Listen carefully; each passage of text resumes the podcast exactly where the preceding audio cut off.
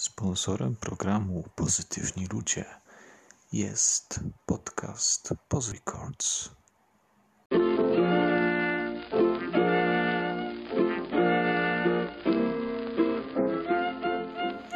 Dobry wieczór Państwu, z tej strony Jakub Kuba Kubuś i taka nowa propozycja ode mnie Pozytywni Ludzie, taka krótka miniseria o takich osobach, o których myślę warto pamiętać, do których wracamy często i dzięki którym o wiele pogodniej patrzymy na przeszłe dni.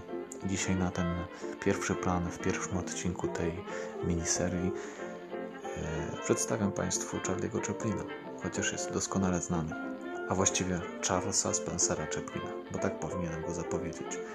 Urodzony 16 kwietnia 1889 roku w Londynie, i ciekawostka, jeszcze zanim zacznę y, drążyć jego biografię. Y,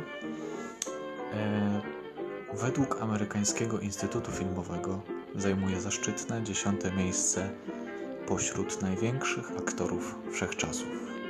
Godne uznania moim zdaniem. Nie wiem jak według Państwa, ale myślę, że y, no wszyscy oglądamy filmy, spotykamy różnych aktorów, ale mieć dziesiąte miejsce to jest, to jest myślę bardzo duży wyczyn wszechczasów, wow. Ale po kolei, jak to się wszystko zaczęło.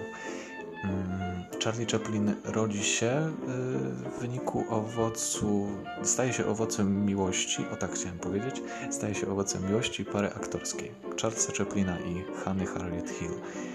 Niestety ta miłość pomiędzy rodzicami nie trwa dosyć długo, bo wkrótce po urodzeniu przez Hannę Harriet Hill Charlie'ego Chaplina, mm, rodzice się rozwodzą.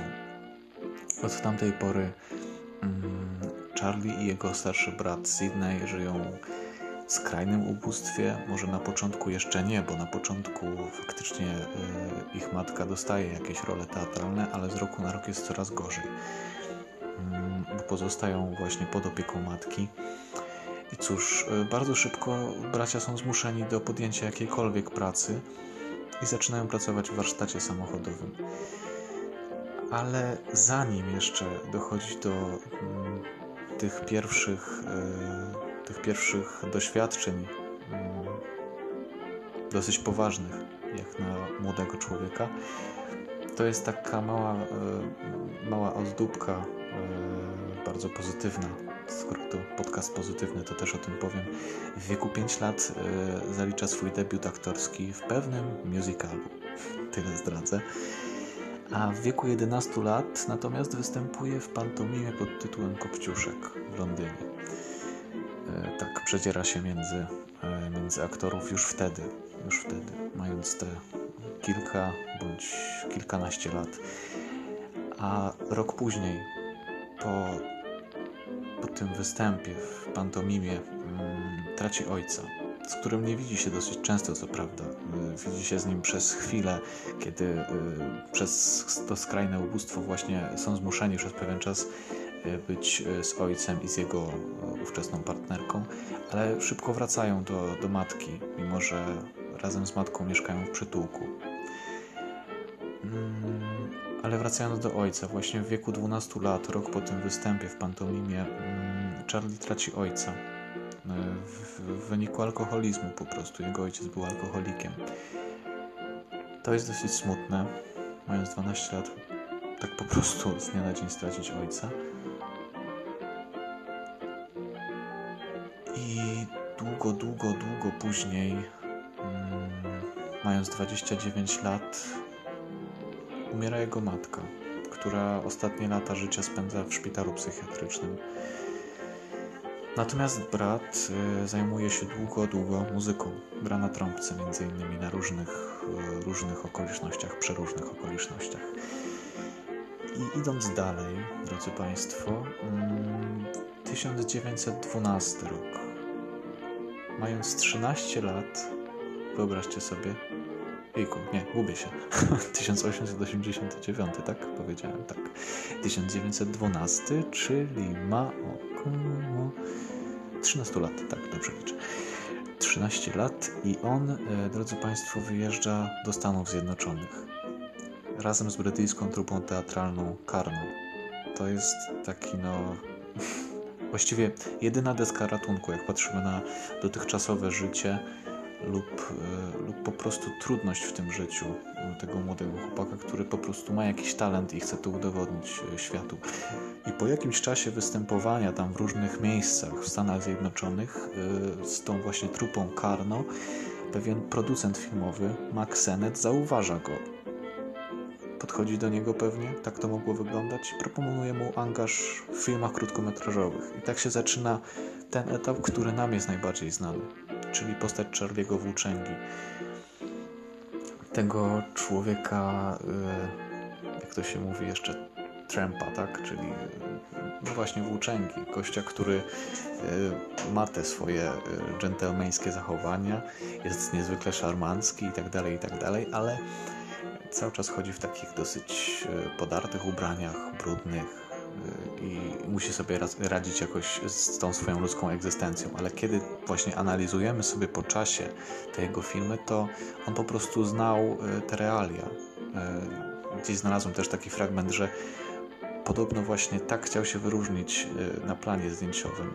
Te filmy, te początkowe filmy Charlie'ego Chaplina Mm, były improwizowane, mocno improwizowane. I kiedy pierwsze filmy właśnie y, Maka Seneta, czy pod produkcją Maka Seneta powstawały, nie było scenariuszów, a on się y, scenariuszy, przepraszam. A on się właśnie w tym odnajdywał. Bardzo, bardzo dobrze radził sobie z techniką improwizacji i wtedy właśnie mm, chwycił za pierwsze, lepsze, a tak naprawdę myślę, że może specjalnie wybierał te najgorsze ciuchy, bo w tym się czuł tak jakby może swój, co jest trochę smutne, ale z drugiej strony on potrafił ten smutek przekuć w coś śmiesznego, w coś, dzięki czemu go pamiętamy i dzięki czemu jest nie do podrobienia. Po prostu. No i tak to się wszystko zaczyna, drodzy Państwo. Około 1914 roku gra zarówno w filmach krótkometrażowych i długometrażowych tak naprawdę mówiąc profesjonalnie pełnometrażowych. I, i cóż, i cóż, i, i tak naprawdę mógłbym powoli kończyć, ale y, tak od siebie jeszcze dodam parę tytułów, mm, w których wystąpił. Będą to dwa filmy krótkometrażowe i trzy pełnometrażowe. Ja z tych filmów e, wstyd, wstyd mi się przyznać, ale nie widziałem wszystkich. Od razu ostrzegam, Widziałem, no, cieszę się, że ponad połowę wybrałem sobie pięć, no to trzy znam, dwa to tak, o, ale mi tak głupio, że niektórych nie znam.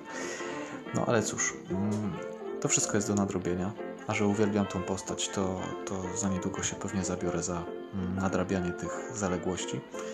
No i zacznijmy. Mm, Charlie Kellnerem w 1914 roku ma miejsce premiera tego krótkiego metrażu. Charlie Włóczęga 1916. Bardzo, bardzo polecam. Bardzo fajny y, film rozrywkowy, jak można się domyślić. Komediowy, jak można się domyślić, w związku z Charlie Chaplinem. I cóż, y, i oglądałem to, oglądałem to, tak jak już się pewnie Państwo domyślili, bo poleciłem, no tak. w każdym razie y, oglądałem to w, chyba w podstawówce, tak mi się wydaje. To wszystko się dzieje na jakiejś wsi, o ile dobrze pamiętam. Oczywiście jest tam jakiś wątek miłosny i tak dalej. I te wszystkie gagi sytuacyjne, no po prostu uwielbiam to. Mm, nie będę dużo zdradzał, bo kto widział, to widział, a kto nie widział, to gorąco zachęcam, bo aż mi głupio, że właśnie większej części y, filmów Chaplina nie widziałem. Następnie spośród takich moich wybranych, bo tych filmów jest mnóstwo, naprawdę mnóstwo. Jeżeli zobaczylibyście Państwo listę tych wszystkich filmów, to, to jest ich naprawdę dużo. To była maszyna do robienia filmów, do robienia pieniędzy tak naprawdę poprzez te filmy. Ale on to po prostu kochał. Mm, film Brzdąc, y, jeden z najbardziej znanych zapewne, z 1921 roku. Film Cyrk. Tutaj y, taki film, który nie tak dawno, wydaje mi się, dostałem właśnie na y, Boże Narodzenie pod choinkę, na święta bożonarodzeniowe. I bardzo też mi się podobał. Jejku, no czego bym nie obejrzał z tym Chaplinem, to po prostu go uwielbiam. Mm. I film Dyktator. Myślę, że to jest film, który pokazuje o wiele większy warsztat Chaplina niż jakikolwiek e, wcześniej.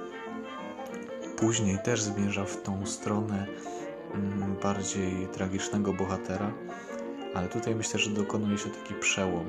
Chociaż nie widziałem tego, nie widziałem wszystkich filmów Chaplina, to dla mnie e, ten film jest takim właśnie e, świetnym, świetnym e, uzupełnieniem tego wszystkiego, co nazywa się sztuką aktorstwa. Ostatni film z jego udziałem to Hrabina z Hongkongu, 1967 rok. A wracając do filmu Dyktator, no to myślę, że Państwo wiedzą, a jeżeli nie wiedzą, to bardzo chętnie opowiem. To jest film, w którym Chaplin naśmiewa się z Adolfa Hitlera i on to robi w czasie wojny, ten film, w czasie II wojny światowej. I on tam się wciela w dwójkę bohaterów.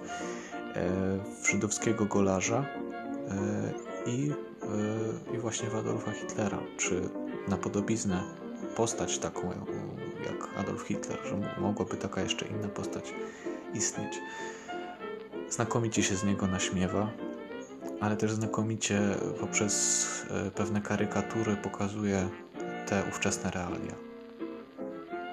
I myślę, że mam do niego największy szacunek za to, co on zrobił w tym filmie, że miał taką odwagę stworzyć takie wielkie dzieło. No i na koniec takie bym powiedział e, ważne rzeczy, bardzo, bardzo ważne, to są nagrody, Oscary.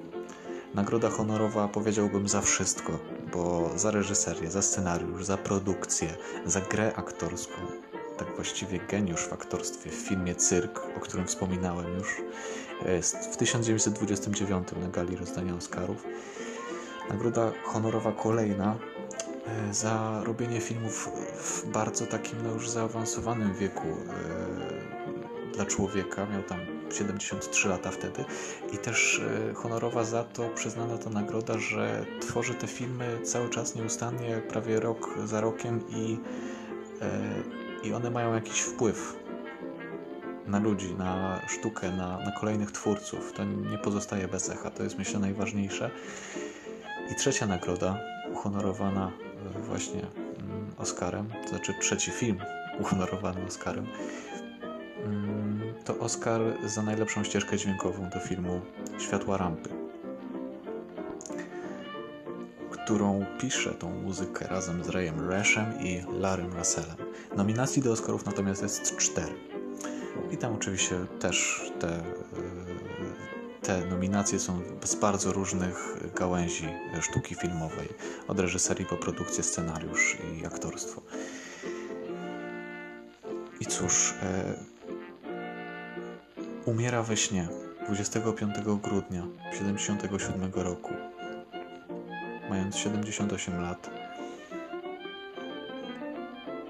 Jedyne co nam pozostaje po nim to właśnie te filmy umiera w Wewi, w Szwajcarii, bo bym zapomniał o tym wspomnieć, bo tam też spędza swoje ostatnie lata życia, gdzie odnajduje taki spokój i ukojenie, bo emigruje ze Stanów Zjednoczonych do Europy właśnie. I jest taka jedna plama jeszcze na jego życiu, ale myślę, że to dotyczy też innych wielu, wielu aktorów. E, takie niezrównoważenie w życiu prywatnym e, było też obecne w jego życiu, bo on bardzo szukał tej akceptacji. Pragnął takiej miłości, jakiej być może jemu brakowało i mm, czterokrotnie był żonaty. Po prostu poszukiwał tej jedynej miłości i myślę, że z perspektywy czasu można uznać, że tą największą miłością była ta ostatnia, czyli Una O'Neill, z którą miał aż ósemkę dzieci. Geraldine, Michael, Josephine, Jane, Eugen, Victoria, Christopher i Annette Emily. To jest ta ósemka, oprócz tego jeszcze ze wcześniejszych związków miał syna Normana i Charlesa Juniora oraz Sydneya, trójkę synów. Ze związków z Mildred Harris i Elitą Gray. Był także żonaty z Paulette Goddard. Mm, I cóż, cóż mógłbym powiedzieć więcej? E, niesamowita postać, bardzo ważna dla światowego kina, jeśli nie najważniejsza w moim odczuciu. I najlepszy dowód na to, że można wszędzie, wszędzie zajść, niezależnie od e, sytuacji, w której się człowiek znajduje. I że nigdy nie, nie warto przestawać marzyć. I Także mm, myślę, że to jest teraz najlepszy moment na to, żebym zareklamował pewne wydarzenie, w którym też jestem uczestnikiem, jestem wolontariuszem mianowicie w tej akcji. W związku z takim uśmiechem e, na twarzy, ale też na sercu, zachęcam Państwa do uczestniczenia w koncercie charytatywnym Moja krew, Twoja siła w ramach oddawania osocza krwi mm, dla osób e, chorych albo przebywających na kwarantannie z powodu koronawirusa. Mm, I cóż, to będzie miało miejsce online na stronie facebookowej Moja krew, Twoja siła o godzinie 18 właśnie na tej stronie facebookowej i bardzo zachęcam serdecznie do uczestniczenia w tym wydarzeniu. Mam nadzieję, że zbierze się spora grupka odbiorców, bo naprawdę wydarzenie jest mocno, mocno rozreklamowane, ale tutaj też dodaję taką cegiełkę na naszym podcaście pozytywnym, bo co, co jest bardziej pozytywnego niż uśmiech drugiego człowieka, uśmiech serca drugiego człowieka. Może troszkę kombinuję, ale, ale myślę, że to jest najważniejsze. To szczęście, które widzimy po prostu, to najbardziej namacalne. Sprawmy, żeby więcej z nas było szczęśliwych na co dzień. Dziękuję Państwu bardzo za ten odcinek i zapraszam za tydzień. Zapraszam za tydzień. Jak się pewnie domyślacie, będzie kolejny odcinek z serii Pozytywni Ludzie. Mm, ale cóż, no nie zdradzę na razie, kto to będzie taki. Serdecznie zapraszam za tydzień. Do usłyszenia. Jakub Kuba Kubuś. Dzięki, że jesteście z nami.